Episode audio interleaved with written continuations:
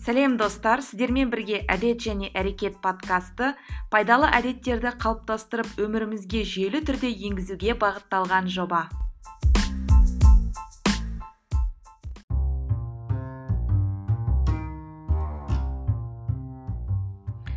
Сәлем әлем сіздермен бірге әдет және әрекет подкасты менің есімім жанар. Және бүгінгі біздің жаңа алтыншы эпизодтың тақырыбы күнделікті өмірде эко әдеттерді енгізу қадамдары. Бүгінгі эпизодта біз саналы тұтынушылық жайлы қандай күнделікті өмірде қандай эко әдеттерді әзірден бастап енгізе аламыз эко сауаттылық жайлы қандай қадамдар жасау арқылы біз табиғатқа қамқорлық жасай аламыз. Қайта өңдеу туралы сұрыптау туралы қазақстандағы экологиялық жағдай туралы неше түрлі эко әдеттерді ұстануға қатысты лайфхактар жайлы және бұның маңызы жайлы сөйлесетін боламыз. Қазіргі уақытта эко әдеттерді енгізу оны дәріптеу барынша экологиялық сауатты адам ретінде қалыптасуымызға көмектесетін түрлі ақпарат құралдарының мәліметтері бізге өте эко сауатты болуға көмектесуде және мен бұл үшін өте қуаныштымын. Өйткені эко сауатты адамдар сәнге айналып бара жатыр бұл өте жақсы дәріптеліп жүр. Және бұл ең алдымен бір сән емес немесе ә, пиар емес бұл ең алдымен біздің өмір сүріп отырған ә, жер анамызға планетамызға деген біздің қамқорлығымыз. Сондықтан біз де барынша күнделікті өмірде кішкентай кішкентай қадамдармен өмірімізге барынша экологияға жақын экологиялық таза өнімдерді қолданып ә, сапалы өмір сүруге тырысу қажетпіз. Және бұл ә, тек қана біздің адам ретіндегі қажеттіліктерімізді қамтамасыз ету емес. Сонымен қатар біз өмір сүріп отырған ортамызды отбасымызды туып өскен туған жерімізге деген қамқорлығымыз. Яғни бұл бір үймен ғана шектелмейді. Үйден шыққаннан кейін де сіз ол сіздің мекендейтін жеріңіз болып табылады. Сіз сыртта жүрсеңіз де көшеде жүрсеңіз де базарда жүрсеңіз де қай жерде жүрсеңіз де бұл сіздің ойыңызда болуы қажет. Ең алдымен саналы тұтынушылық жайлы сөйлесейік.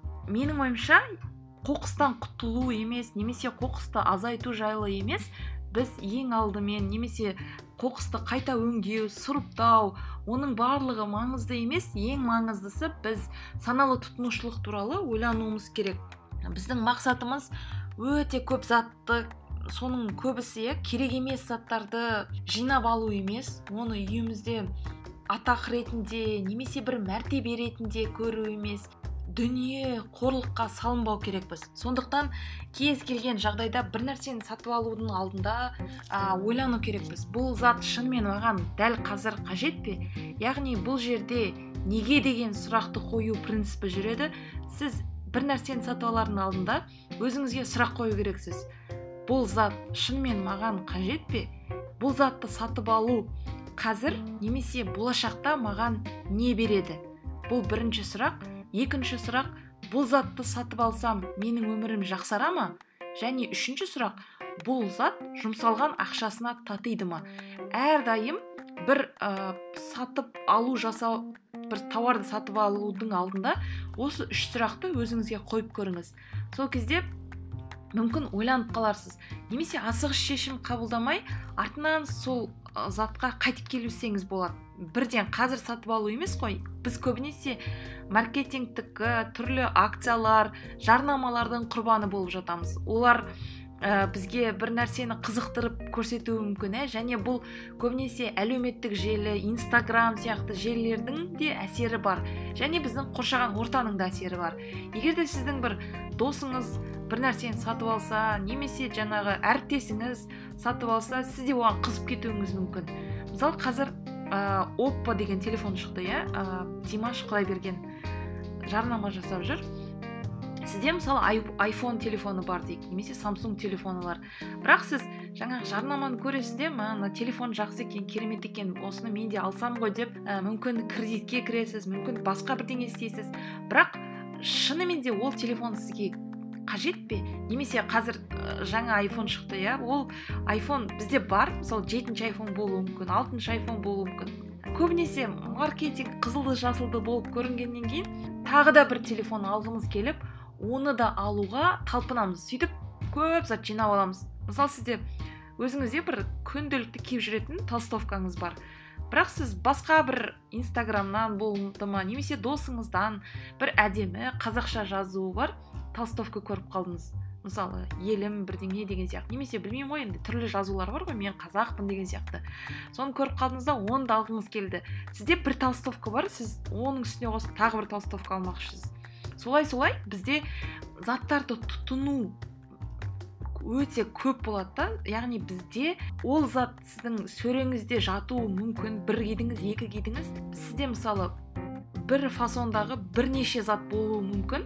Артық артық нәрсе ғой. Мысалы сіз оны қолданбайсыз жай сізде тұрады. Бұны ә, кейінгі ә, эпизод барысында бұл жайлы сөйлесетін боламыз. Бұл әрине минимализм принципі деген сияқты заттарға келеді.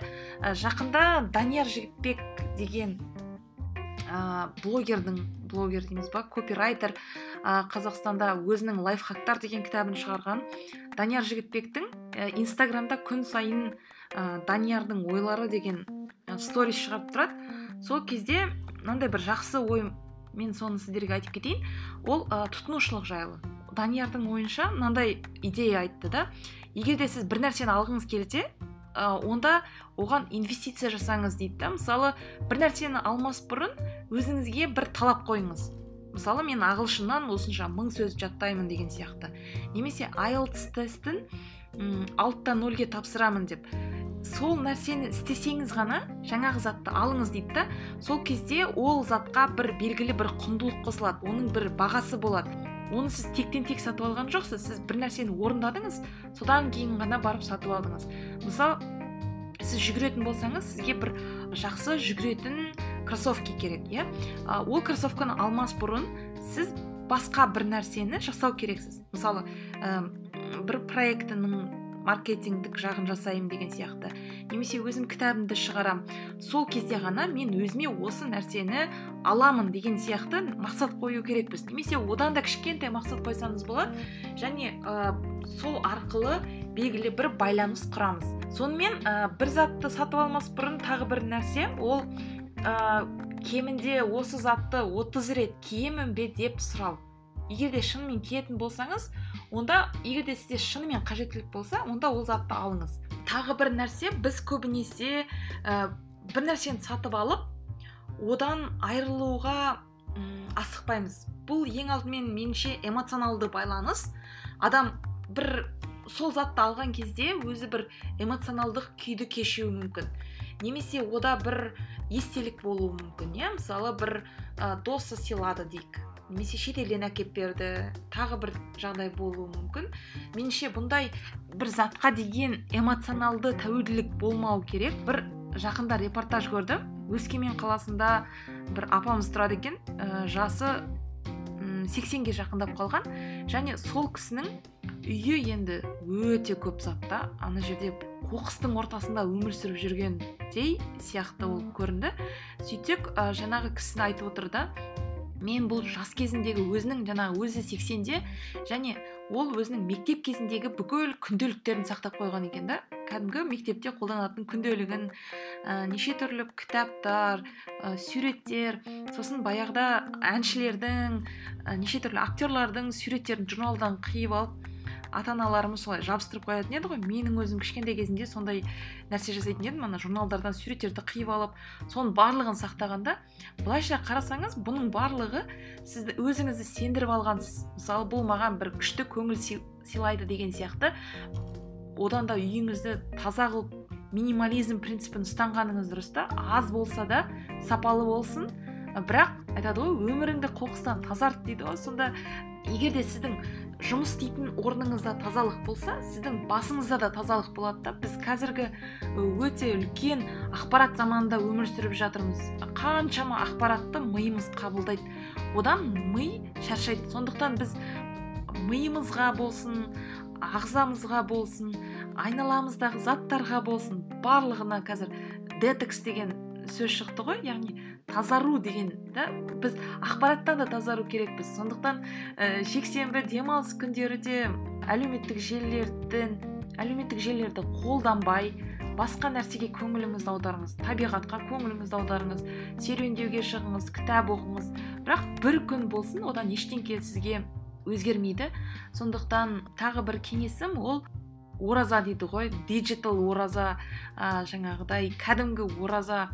Ә, барлық нәрседен бір ораза жасап тұру керек. Және тағы бір айтар кеңесім ол киім зат сатып алар кезде лимит қою керекпіз. Мысалы мен осы алты айдың ішінде осынша сумманы ғана киімге жұмсаймын деп. Немесе осы уақытта мен бір айда мысалы бір нәрсе сатып аламын деген сияқты нәрсе қою керекпіз.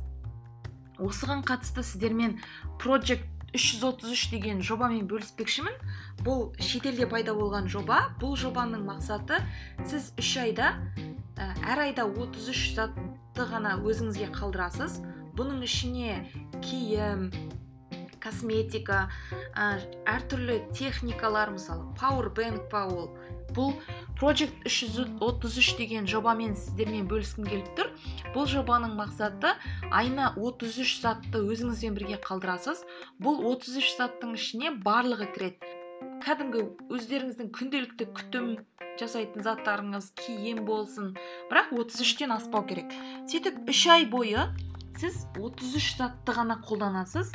Ең соңында бір затты соның ішінен алып тастап отыру керексіз. Мысалы сіз 33 затты қалдырдыңыз қалған ешқандай затты қолдануға болмайды. Тек 33 затты қолданасыз. Және осы арқылы сіз өзіңізге бір талдау жасай аласыз. Шынымен де сіз затты қолданасыз ба? Жоқ әлде ол жай сіздің сөреңізде тұр ма деген сияқты. Қолданбайтын заттарыңыз болса оларды ә, мұқтаж жандарға таратыңыз. Яғни біз әрдайым ай сайын ба апта сайын ба немесе күн сайын ба ревизия жасап отыру керекпіз. Тіпті кейбір блогерларда жаңа күніне бір затты тастап отырады да мысалы қоқысқа мынау қажет емес деген сияқты. Өйткені біз көп нәрсені жинап алғанбыз ғой. Мысалы түрлі қыздарда әсіресе заттар көп. Түрлі әшекейлер басқа да заттар иә. Мысалы неше түрлі әдемі әдемі блокноттар. Енді қыздар әдемілікке қызығады ғой.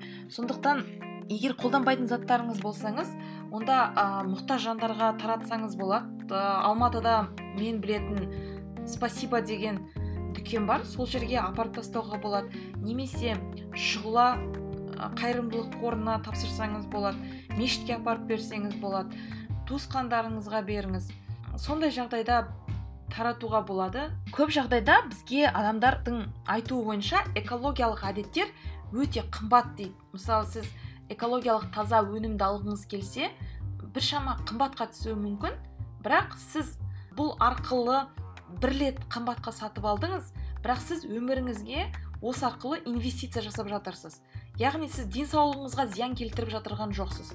Ә, бір нәрсені сатып алған кезде ол сізге ұзақ уақыт қызмет етеді. Мысалы сіз бір рет көп рет қолданатын эко сөмкені сатып алдыңыз және оны сіз күн сайын қолданасыз. Және сіз ол арқылы артық пластик өнімдерін пластик пакеттерді қолданбайтыныңызды біліп тұрсыз иә? Яғни сізде бір ішіңізде қанағат сезімі бар. Ә, және мысалға алатын болсақ сіз егер эко ыдыстарды қолданатын болсаңыз мысалы ағаштан жасалынған шыныдан жасалынған онда да сіз білесіз өйткені сізге денсаулығыңызға бұл зиян тигізіп жатқан жоқ деген сияқты. Сондықтан ә, менің ойымша экологиялық әдеттер қымбат емес. Бір рет әрине ақша шығаруға болады бірақ біз басқа заттардан өзімізді шектесек ол ақшаның орнын толтырып алсақ болады. Бұдан ақша аяған дұрыс емес деп санаймын. Сіздер білесіздер ме сатып алынған азық түліктің бүкіл әлем бойынша 20-25 пайызы қоқыс жәшігіне кетеді екен. Сондықтан біз бұл жерде ең алдымен ысырапшылдыққа бармау керекпіз. Көбінесе бізде мынандай түсінік бар. Молынан болған жақсы деп тамақтың мысалы жетпей қалғанынан гөрі молынан болсын деп мол жасаймыз. Дастарханды мол жаямыз той болсын қонақ шақыру болсын және бір ресторан кафеге барғанда тамақтар жиілінбей қалып қалады. Көбінесе адамдар енді ұялады да ана ресторандағы тамақты өзімен бірге алып кетуге. Бірақ менің ойымша ешкім сізді сөкпейді. Егер тамақ қалып жатса артыңыздан оны алып кетіңіз. Тастап кеткеннен гөрі. Бәрібір ол ә, сіздің тамағыңызды яғни егер де сізден тамақ қалып жатса онда белгілі бір үйсіз күйсіз жүрген жануарлардың приют дейді ғой приют бездомных животных дейді. Сондай жерге тамақты апарып берсеңіз болады. Немесе ә, жер үйде тұрсаңыз мүмкін көршілеріңізде ит ұстайтын шығар басқа. Ә, сондай жандарға да сол тамақты апарып беруіңізге болады. Енді тамақтың әрине ысырапшылдық менше қазір өте қатты тараған және бұл нәрсе дұрыс емес деп санаймын. Одан да аз жасап бірақ қарныңыз тоймай қалса да сізден шығатын отход аз болу керек та. Ә, сондықтан осы жайлы да ойлану керекпіз. Экологиялық таза өнімдерді қолдану арқылы шикізаттарды қолдану арқылы дайын өнім жартылай өнім дегенді алатын болсақ ол қалбырда болады ол пластикалық қорапшада болады. Бірінші жағы ол қоқыстың көлемін көбейтіп жатырмыз. Екінші жағы біз денсаулығымызға зиян тигізіп жатырмыз. Экологиялық таза өнімдерді қолданғанымыз дұрыс. Азық түлікке барған кезде міндетті түрде тізім жасап барыңыз. Ол бірінші ереже. Екінші ереже азық түлікке барғанда қарныңызды тойдырып барыңыз. Өйткені сіз азық түлікке барған кезде тағы да жарнама маркетингтік неше түрлі әдістерді қолдану арқылы бізді өзінің қармағына түсіріп біз қажет емес затты сатып алып қоюымыз мүмкін. Мысалы түрлі акциялар болады үшеуін сатып алсаң мынандай баға деген сияқты үш упаковкасын сатып алсаң. Немесе түрлі тәтті заттарға жеңілдік жасап қояды. Сен негізі басқа нәрсені азық түлік алуға бардың бірақ тәтті затқа керемет акция болып жатыр екен. Сен негізі ойыңда ол тәтті затты алу болған жоқ бірақ сен бәрібір оны алып қоясың. Солайша түрлі жарнама маркетингтік жолдардың құрбаны болып керек емес затты сатып аламыз. Менің өзім бұндай заттарға кейде алданып қаламын. Мысалы тіпті пайдалы заттардың өзін артық алып қойған сияқты боламын да. Мысалы мен қара құмық алуға бардым дейік ол жерде қара құмық мен негізінен қара құмықтың өлшенетін түрін сатып аламын. Бірақ ол жерде қорапшасы бар қара құмық акция болып жатуы мүмкін иә. Мысалы екеуін бір біріне скотчтап жаздырып қояды ғой мысалы. Сондай акция. Негізі мен өлшенетін өнім алуға бардым. Бірақ акцияны көзім шалып қалды да белгілі бір пайда тапқандай боламыз. Жеңілдік көрсек сол жеңілдіктен өзімізге ақша тапқан сияқты боламыз да. Бірақ ол олай емес. Біз ең алдымен бір зат алуға ниеттенген едік. Бірақ біз жеңілдікті көріп үш зат сатып алдық. Яғни екі затты артық алып қойдық. Керек емес затты алып қоюымыз мүмкін. Сондықтан біз керісінше өзімізге зиян шегіп жатырмыз. Осы жайлы да ойланайық. Негізінен жеңілдікке қатты берілмеңіздер. Енді қажет зат болса әрине жеңілдікпен алған жақсы ғой ол. Барлығы негізінен психологияға эмоциялық жағдайға байланысты иә. Біз адамның психологиясын білгендіктен түрлі маркетинг мамандары соны қолданады. Адамға қаншалықты қалай әсер етуге болады деген сияқты. Азық түлікке барған кезде көп рет қолданатын түрлі матадан жасалынған эко сөмкелер бар иә. Сондайды бір рет алып алсаңыз онда сіз пакет сатып алмайсыз жаңағы пластик пакет сатып алмайсыз. Немесе авоська дейді баяғыда апаларымыз ұстаған сондай алсаңыз болады. Қазіргі маған магнумдағы осы акция ұнайды. Яғни олар бұрын пластик пакетті тегін беретін еді. Азық түлік алған кезде. Ол кезде адамдар бір жағынан ашкөздік шығар пакетті өте көп алатын еді. Мысалы өзінің заты кішкентай бірақ әр затты бір пакетке салып деген сияқты ше немесе тағы бір артық пакет алып қалуға тырысады да бұл әрине пластикалық пакеттің көлемін көбейтеді. Ал қазіргі магнумда пакеттің барлығы ақылы яғни сіз пакет сатып аласыз бірақ олардың ұтқан жері пакет сатып алсаңыз оны өзінің өзіне алып қалмайды ол ақшаны. Ол ақшаны бірден қайырымдылыққа аударады қайырымдылық қорына аударып жібереді. Сол пакеттен түскен ақшаны. Сондықтан бұл да бір күшті маркетингтік әдіс деп ойлаймын. Өйткені бір жағынан табиғатқа қамқорлық жасап жатыр экологиялық әдеттерді қолдап екінші жағынан қайырымдылық та жасап жатыр. Сондықтан бұл әрине магнумның ұтқан жері деп санаймын. Эко сумке алып алыңыз. Қазір тіпті азық түліктердің өзіне арналған кішкентай экосөмкелер шықты. Яғни сіз мысалы өлшенетін түрлі дақылдар сатып алсаңыз немесе жеміс жидек көкөніс сатып алсаңыз мәрлі мәрлі сияқты заттан тігілген сөмкелер сатылады. Кішкентай мен өзім сондай сөмке сатып алдым. Целлофан сұрағанша немесе пластикалық пакет сұрағанша сондай өзіңіздің сөмкеңізге салып өлшетіп алсаңыз болады. Тағы бір нәрсе ол дүкендерде біз дайын өнімдерді сатып алған кезде мысалы салат сатып алғыңыз келсе немесе манты плов сатып алғыңыз келсе міндетті түрде бұл тамақты пластикалық қорапшаға салып береді. Ол қорапшаның көлемі де үлкен. Мысалы сіз бір кішкентай екі зат алсаңыз кішкентай мысалы котлет алдыңыз дейік сізді оған үлкен коробкаға салып береді. Үлкен немесе жаңа қағаздан жасалынады пластик көбінесе пластиктен жасалынады. Бұл өте ыңғайсыз. Өйткені сіз бірнеше зат алсаңыз оның барлығын бір неге салмайды ғой? Бөлек бөлек салып жатады. Сол кезде сіз үйіңізге өте үлкен пластикалық қораптармен бірге қайтасыз. Және бұл өңделуі өте қиын мүлдем өңделмейтін нәрсе.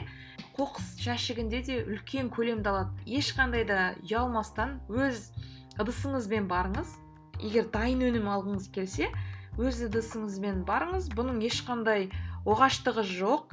Ә, сіздің затыңызды ыдысыңызды бөлек өлшейді және тамақты бөлек өлшейді әдет қалыптастырсаңыз бұның да ешқандай оғаштығы жоқ. Керісінше өзіңіз де пластикалық заттарды үйіңізде жинамайсыз. Қазақстанда ол пластикалық заттарды қабылдайтын да өндіріс орындары жоқ. Сондықтан барынша бұны шектеуге тырысыңыз. Тағы бір нәрсе кейбір жемістерді мысалы банан жемісін алатын болсақ ол жаққа пластикалық салафанды салудың керегі жоқ деп ойлаймын. Өйткені мен көбінесе мысалы банан сатып алсам бірнеше сатып алсам немесе бір пучогын сатып алсам мен этикетканы дәл бананға жабыстырамын. Барынша тырысыңыз барынша азайтуға пластикалық пакеттерді алмауға тырысыңыз. Келесі нәрсе ол өнімнің құрамына мән беру. Бұл көбінесе бізден шет қалып жатады. Менің ойымша адамдар бұған әлі үйренбеген. Егер де үйренетін болса онда бұл да бір мейнстримға айналады деп ойлаймын. Сондықтан ең алдымен өнімнің құрамына мән беріңіз. Сіз ойлау керексіз ғой менің ішіме не барып жатыр қандай зат жеп жатырмын деген сияқты. Сондықтан кез келген өнімді сатып алғанда ерінбеңіз. Сол дүкенде тұрып қараңыз тіпті кейбір адамдар жаңағы жарамдылық мерзіміне де қарамай жатады. Бірден автоматты түрде бір нәрсені ала салады. Кез келген нәрсені сатып алмас бұрын ешқайда асықпай құрамын қарап оқыңыз жарамдылық мерзімін қараңыз. Көбінесе мысалы егер де тізімге қарайтын болсаңыз состав деген құрамы деген жерде бірінші не тұрады? Сол зат ол өнімде көп деген сөз. Мысалы егер бір шоколад тұрса оның құрамында бірінші қант деп тұрса демек ол заттың құрамында қант ең көп 80 пайыз. Елу пайызы қант деген сөз. Егер де бірінші какао тұрса яғни оның ішінде какаосы көп. Көбінесе өнімдерде азық түлік өнімдерінде е деген заттар көп болады. Мысалы бірнеше е е е деп. Бұдан қашыңыз бұл өнімдерден минималды түрде қолдануға тырысыңыз әрине одан бірден бас тарту қиын кейбір заттарда. Бірақ бұған да мән берген жөн. Бұл тақырып негізінен тамақтану жайлы эпизодымызда қозғалу керек еді. Бірақ мен осы эпизодта да айтып кетейін. Бұл тек қана азық түлік өнімдеріне ғана емес сонымен қатар сіз қолданатын түрлі косметикалық бұйымдарға да байланысты. Мысалы кейбір жуынатын иә гель для душа шампунь сабын тіс жуатын паста бұның барлығына назар аудару керекпіз. Оның құрамында түрлі ә, химиялық қоспалар өте көп кездесіп жатады. Тіпті біз аны оқи алмайтындаймыз ғой. Енді оқып қарасаңыз өте қиын. Мысалы шампуньдарды қарайтын болсаңыз сабынды қарайтын болсаңыз бір рет болсын назар аударсаңыз құрамында өте көп зат бар. Қаншалықты зиян екенін де ізденбеген шығармыз негізі. Интернетке қарап соны іздеп көрсеңіздер бұл не екен мынау не нәрсе екен деп іздесеңіздер кәдімгідей түршігесіз. Өйткені неше түрлі заттар бар да ол жерде тіпті кейбір сабындарда мысалы шошқаның майын қолданады шошқаның сіңірін қолданады кейбір азық түлік өнімдерінде болсын. Бұл өте зиян біздің денсаулығымызға зиян. Неше түрлі қоспалар бар. Кез келген өнімге назар аударыңыз. Яғни кез келген нәрседе орыс тілінде щепетильный деген сөз бар ғой. Сондықтан кез келген нәрсе бұл жай ғана қоя салатын маңызы жоқ нәрсе емес. Бұның керісінше маңызы бар. Бұл сіздің өмір салтыңызға әсер етеді. Бұл жерде компаунд эффект деген бар. Әдетті енгізген кезде кез келген нәрсе жинақталып жинақталып келеді. Яғни ол бірден мысалы сізге бүгін зиянын тигізбейді мүмкін бірақ ол жинақталып сіз оны тұрақты қолданатын болғандықтан кейіннен оның әсері шығуы мүмкін. Мысалы кейбір адамдар көбінесе түрлі қатерлі ісік ауруына шалдығып жатыр иә? Оның барлығы одан да болуы мүмкін. Мысалы химиялық элементтердің ағзада көбейіп кетуіне байланысты түрлі ауруларға алып келуі мүмкін. Сондықтан бұған өте жоғары дәрежеде мән беріңіздер қараңыздар ізденіңіздер. 5 минут 10 минут уақытыңыз кетер бірақ бұл өте маңызды нәрсе. Кеңес беремін өнімнің құрамына мән беруге. Негізінен TED деген ә, видео конференция иә? Сол жерде бір қыз болды америкалық. Ол барлық косметика өнімдерін өз қолымен жасайды екен. Сонда ол өзіне сенімді да қандай енді бұл ә, бір жағынан бизнеске де айналдырған шығар. Бірақ ә, бұл өте қиын шаруа. Косметиканы өз қолыңмен жасау дезодорант болсын барлығын өзі жасай алады екен да. Мүмкін баяғыда біздің ата бабаларымыз енді өздері жасаған шығар. Тіпті мен өскен ауылда бір шөп болатын. Біз өзенге шомылуға барғанда сол шөпті уқаласаң анау сабын болатын шөп. Баяғы заманда да ол өсімдіктерден жасалынған ғой. Қазір енді оны экологиялық таза өнім деп бізге таныстырып жатыр. Қымбат бағада құрамы өте аз. Яғни ол өнімдерді тіпті былай сақтауға да келмейді. Не үшін бұл химиялық элементтер қосылады? Өнімге оның сақталу мерзімін ұзарту үшін. Мысалы ірімшік сатып аларда сыр дейміз ғой. Соған қатты мән беріңіз. Ол жерде кейбір шошқадан алынған заттарды қосатын болғандықтан ол ә, сырлар өте ұзақ уақыт сақталады. Мысалы қазақстанның сырларын қарасаңыз емел деген сыр бар ә, нәтиже сыр олардың барлығы ә, бір екі айға жетеді бір айға жетеді. Яғни ол табиғи өнім ешқашан ұзақ уақыт сақталынбайды. Әрине өнімге мән беру керек. Не жеп жатырмыз не қолданып жатырмыз деген сияқты. Және бұл сіздің ә, балаларыңызға да қажетті дүние деп ойлаймын. Егер кішкентай кезінен бастап осындай әдеттерді енгізе бастасаңыз қазіргі уақытта түрлі табиғи өнімдер шықты. Соның бірі бамбук тіс щеткасы. Яғни көбінесе тіс щеткасына қарайтын болсақ ол жерде қылшықтары өте зиян екен тіс щеткасының егер де тіс щеткаңыз сапасыз болса қылшықтары ішіңізге кетіп ішіңізге қарай кетіп қалуы мүмкін. Сондықтан тіс щеткасына да мән беріңіз. Көбінесе пластиктен жасалынып жатады күнделікті өмірімізге енгізуге болатын әдеттерге тоқталайық. Ең алдымен бұл бір реттік өнімдерден бас тарту яғни бір реттік ыдыстар бір реттік ә, салфеткалар деген сияқты. Америкалықтар күніне күніне 100 миллион бір реттік ыдыс қолданады екен. Бұл енді өте көп иә ол жақта ә, фастфуд көшедегі дүкендер дамыған ғой. Сондықтан олар ә, көбінесе жүріп келе жатып тамақ жейді. Немесе ә, өте асығыс бір жұмыс жұмыстары қатты көп. Маған америка солай елестейді. Адамдардың барлығы бір асығыс бір жаққа асығып бара жатыр. Және олар ә, тамақты өзімен бірге ала салады. Жаңағы көлігімен тоқтап бірден тамақты алып ары қарай кете береді. Көлік айдап келе жатып тамақ жейді деген сияқты. Сондықтан да бұл әрине өте көп деп ойлаймын. Сондықтан сіздерге беретін кеңесім ағаш ыдыс қолданыңыздар шыны ыдыс қолданыңыздар. Тіпті кафелердің өзі түрлі кеңселер жұмыс орындары бір реттік ыдыстардан бас тарту қажет деп санаймын. Кейінгі кезде био ыдырайтын пакеттер шығып жатыр. Ыдырау жайлы сөйлескенде көп жағдайда пластикалық өнімдер бірнеше жылға дейін ыдырамай жерде жатып қалады екен. Бұндай пакеттерді қолданудың да маңызы зор. Тамақ өнімдерін бір картон немесе қағаз ыдысқа салып беру керек. Тіпті кейбір жерлерде контейнерлер болады иә мысалы қағаз контейнер. Бірақ бетінде пластикалық қақпағы бар. Сол пластикалық қақпақтың өзін ә, қағазға ауыстырып жасаған дұрыс. Келесі әдет ол пластикалық түтікшеден бас тарту. Өте зиянды нәрсе деп санаймын. Өйткені пластикалық түтікше ыдырамайды. Пластикалық түтікшеге үйреніп қалсаңыз немесе ол сізге бір жайлылық сыйласа бұл әдеттен бас тартуға тырысып көріңіз. Кейбір адамдарда тісінің сезімталдығына байланысты пластикалық түтікті қолдану мүмкін. Бірақ менің ойымша түрлі кафе асханалар бұдан бас тарту керек.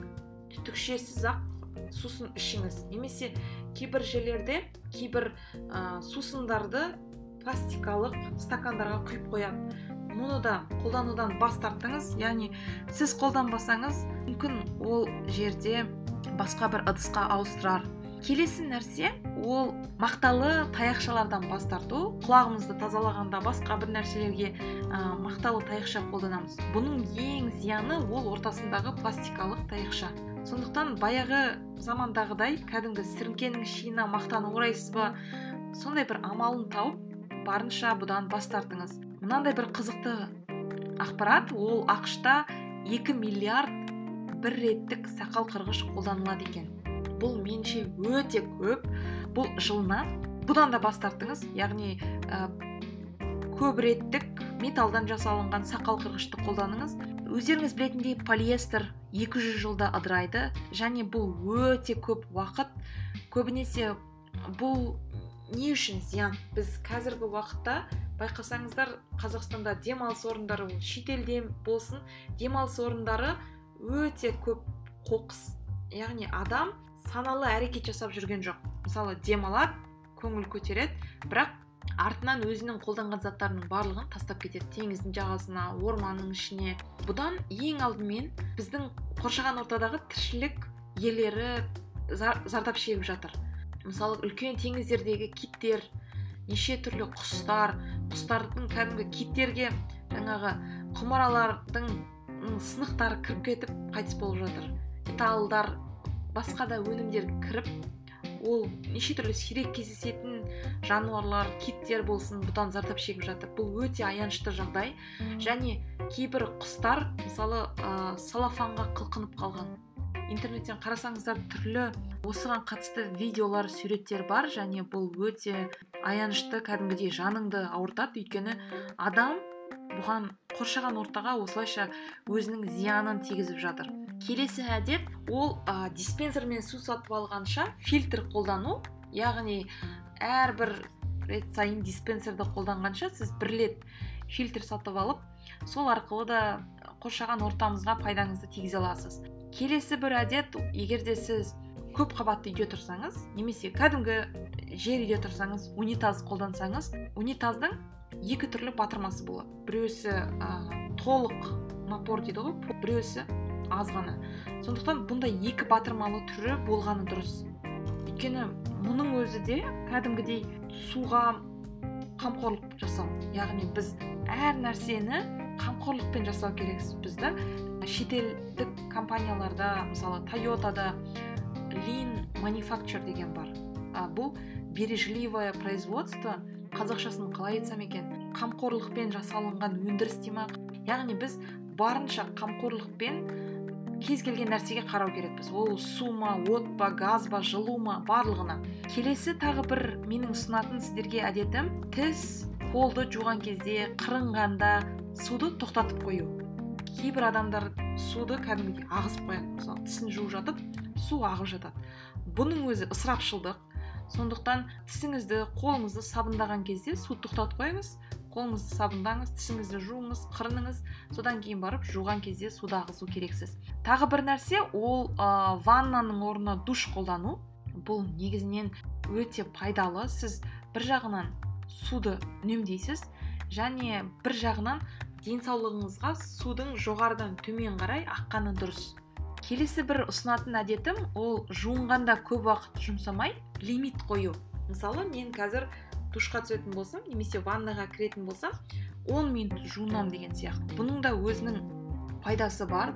Бұл да бір сізге түйсікті дейді ғой саналы қолдануды көздейді. ыдыс жуғанда көбінесе біз фейри деген өте танымал өнім бар. Сол өнімді қолданамыз. Бірақ кейінгі кезде бұл фейридің құрамына назар аударсаңыздар өте зиянды заттар бар ферридің құрамында. Ол ыдыспен бірге ыдыста қалып қалуы мүмкін оның қалдықтары және бұл сізге ішкі ағзаңызға зиян тигізуі мүмкін. Сондықтан ферриді қолданбас бұрын оның орнына басқа да ә, альтернативасын табыңыз. Қазіргі кезде түрлі экологиялық таза ыдыс жуатын заттар шыққан.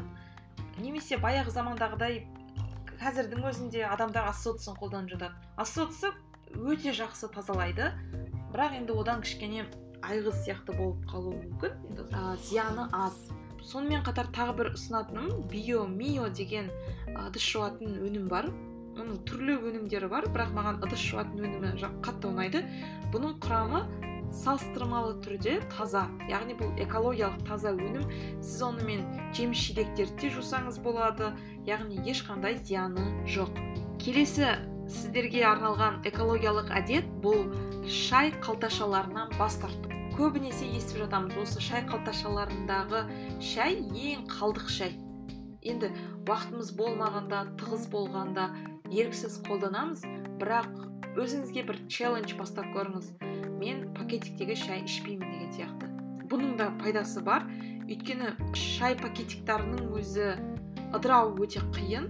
Және бұл да қоқыстың санын көбейтеді сондықтан кәдімгі шайды ішіңіз пакетиктегі шайды азайтыңыз немесе мүлдем бас тартыңыз. Егер де сіз кофе ішетін болсаңыз кейбір кофе машиналары кофе капсулаларын қолданады.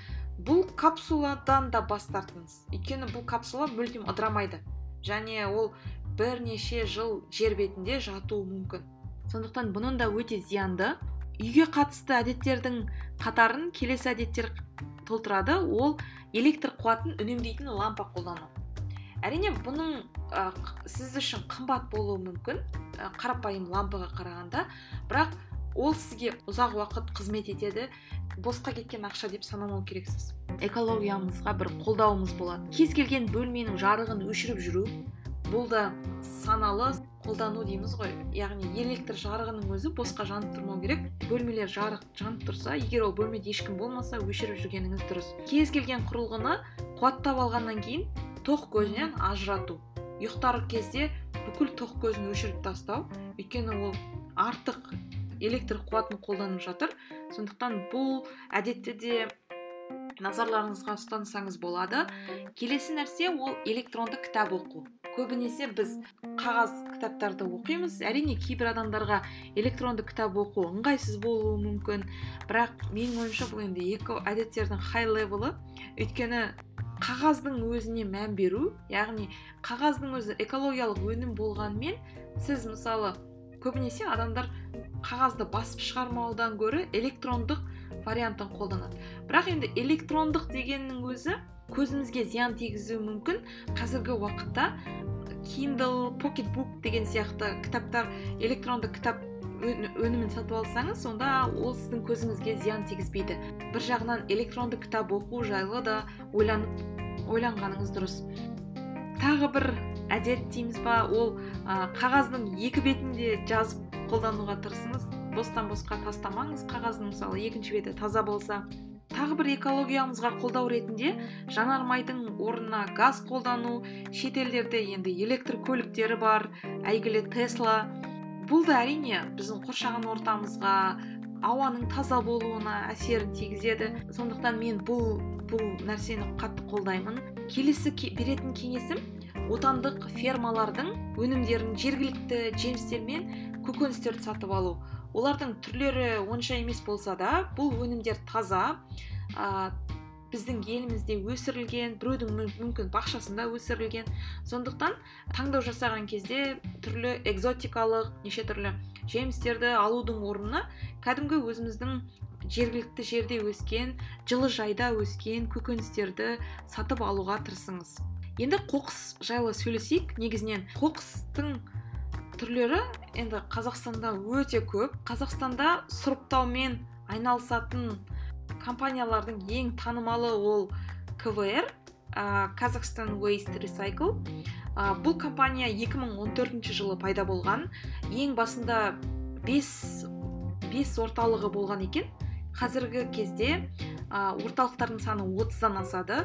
Бұл мекеме қазақстан қағазы деген өндіріс орнының бір бөлігі болып табылады. Олар түрлі қоқыс өнімдерін қабылдайды. Неше түрлі макулатура шыны бөтелкелер картон деген сияқты. Бұл организацияның өзінің талаптары бар. Кез келген қоқысты қабылдамайды яғни ол бір маркировкамен жүреді. Мысалы ә, тетрапакетті қазір олар қабылдамайды. Бір өнімнің өзінде мысалы пластик пластик картон араласқан болса оны да бөлек бөлек өткізу керек. Шыны құмара болсын организацияның инстаграмына жазылыңыздар. Өте пайдалы ақпараттармен бөліседі. Келесі бір ә, айтатын нәрсем ол ә, май тазалық деген мобильді қосымша бар. Айбек рахим деген бағдарламашы осы өзінің стартапын жасаған. Бұл стартаптың да мақсаты қоқысты азайтуға оны сұрыптауға мән береді. Неше түрлі қазіргі уақытта қазақстанның компанияларымен серіктес болып оларға өндіріс орындарына түрлі мекемелерге қоқысты сұрыптайтын жәшіктер қойып қойған. Мысалы қағазға бөлек пластикке бөлек шыныға бөлек қалбырға бөлек деген сияқты. Мобильді қосымшаға да назар аударыңыз. Өйткені ол жерде эко герой дейді ғой эко батыр болуға болады. Түрлі ұпайлар жинау арқылы яғни сіз қоқысты тапсыру арқылы бір ұпайлар жинайсыз сол жерде бір рейтинг дей ма сондай нәрсе бар. Бұл біздің қазақстандағы экологиялық жағдайға толықтай көмектеспесе де кішкентай қадам болсын бір бір пайызға болсын жақсартып жатыр. Біздің қоршаған ортамызды адамдардың қоршаған ортаға экологияға деген қарым қатынасын негізінен мен осы эпизодты дайындау барысында түрлі степ форбс деген сияқты азаттық түрлі сайттарды қарап шықтым. Негізінен қазақстанның қазіргі экологиялық жағдайы қандай деген сияқты. Сон, сол жақтан білген ақпаратыммен бөлісейін. Негізінен қазақстанда қайта өңдеу өте төмен деңгейде. Бізде қайта өңделетін негізінен макулатура картон сондай өнімдер. Бұнымен қазақстан қағазы деген организация дейді ғой айналысады. Енді энергетика министрлігінің ақпараттарына сүйенсек бізде көбінесе екінші реттік өнім алуға қайта өңдеуге жіберіледі дейді. Бірақ бұл ақпарат маған бұл бұлдыр болып көрінді. Өйткені ешқандай бір анық нәрсе жоқ. Мысалы қалай өңделінеді қайда апарылады деген сияқты. Және бір репортаж көрдім. Қазақстанның ақмолаға жақын жерінде сондай мусорды сұрыптайтын завод бар екен. Ол жерде енді өте сұмдық жағдай. Адамдарға өте аз түрде жалақы төлейді бірақ ана жердегі жағдайды көрсеңіз барлығы араласып кеткен ғой енді. Тамақ та бар ішінде картон да бар пластик та бар. Ана жердегі адамдардың мақсаты соның барлығын бөлек бөлек сұрыптау жаңағы картонын бөлек ә, пиаланы бөлек деген сияқты шыныны бөлек. Бұл өте үлкен жұмыс. Бұл адамдардың жұмысын жеңілдету үшін біздің мақсатымыз кәдімгі қарапайым адамдардың мақсаты ол барлығын бір қоқыс жәшігіне сала бермеу. Мысалы тамақ өнімдері ма? Тамақ өнімдерін бөлек салыңыз. Бөлек ә, сөмкеге. Картон бола ма? Картонды бөлек. Жаңа қазақстан квр деген жасыл мен ә, макулатура қабылдайтын бөлімшелер тұрады. Қалада алматы қаласында өте көп. Бір отыз шақты орын бар дедім ғой. Сол жаққа тапсырыңыз. Шыны ыдыс болса шыны тараны қабылдайтын жерлер бар. Сол арқылы осы қоқыс өңдейтін зауытта өндіріс орындарында істейтін адамдардың жұмысын біраз да болсын жеңілдетейік. Олар енді өте қиын жағдайда. Этикалық жағынан да дұрыс емес деп ойлаймын. Барлық нәрсені бір жерге сала беру бір нәрсе. Сондықтан енді тіпті өзімізден бастайық үйімізден шықпас бұрын жаңағы кішкентай балаларыңызға да бір жағынан тәрбие. Сондықтан үйіңізге бөлек бөлек жәшіктер қойып қойсаңыз болады. Осындай жағдай. Бұрын осы 2019 жылға дейін негізінен көп қалдықтар қоқыстар олар жердің астына полигонға көмілген екен. Енді үкіметіміз шешім қабылдап бұл дұрыс емес бұны өңдеу керекпіз деген сияқты шешім қабылдаған. Сондықтан қазір осыған қатысты жұмыстар жүргізілуде. Енді ә, қайта өңдеу туралы сөйлесейік. Негізінен алғанда қазақстанда қайта өңдеудің жағдайы төмен дедік бірақ басқа мемлекеттерді қарайтын болсақ мысалы швецияны алатын болсақ ә, жақында антон птушкиннің швеция жайлы репортажын қарадым. Сіздерге де кеңес беремін. Бұл репортажда швецияның 99 пайыз қоқысты қайта өңдейтіні жайлы айтады. Яғни олар кез келген нәрсені өңдеп тастайды екен. Бұл өте керемет жағдай және олардың халқының экологиялық сауаттылығы. Сол ә, антон птушкиннің видеосында пластикалық құмарадағы су сатып алады. Ол су 10 евро ма білмедім енді. Сондай 10 ә, евро тұрады дейік. Бірақ кассадан өткен кезде ол 11 евро төлейді.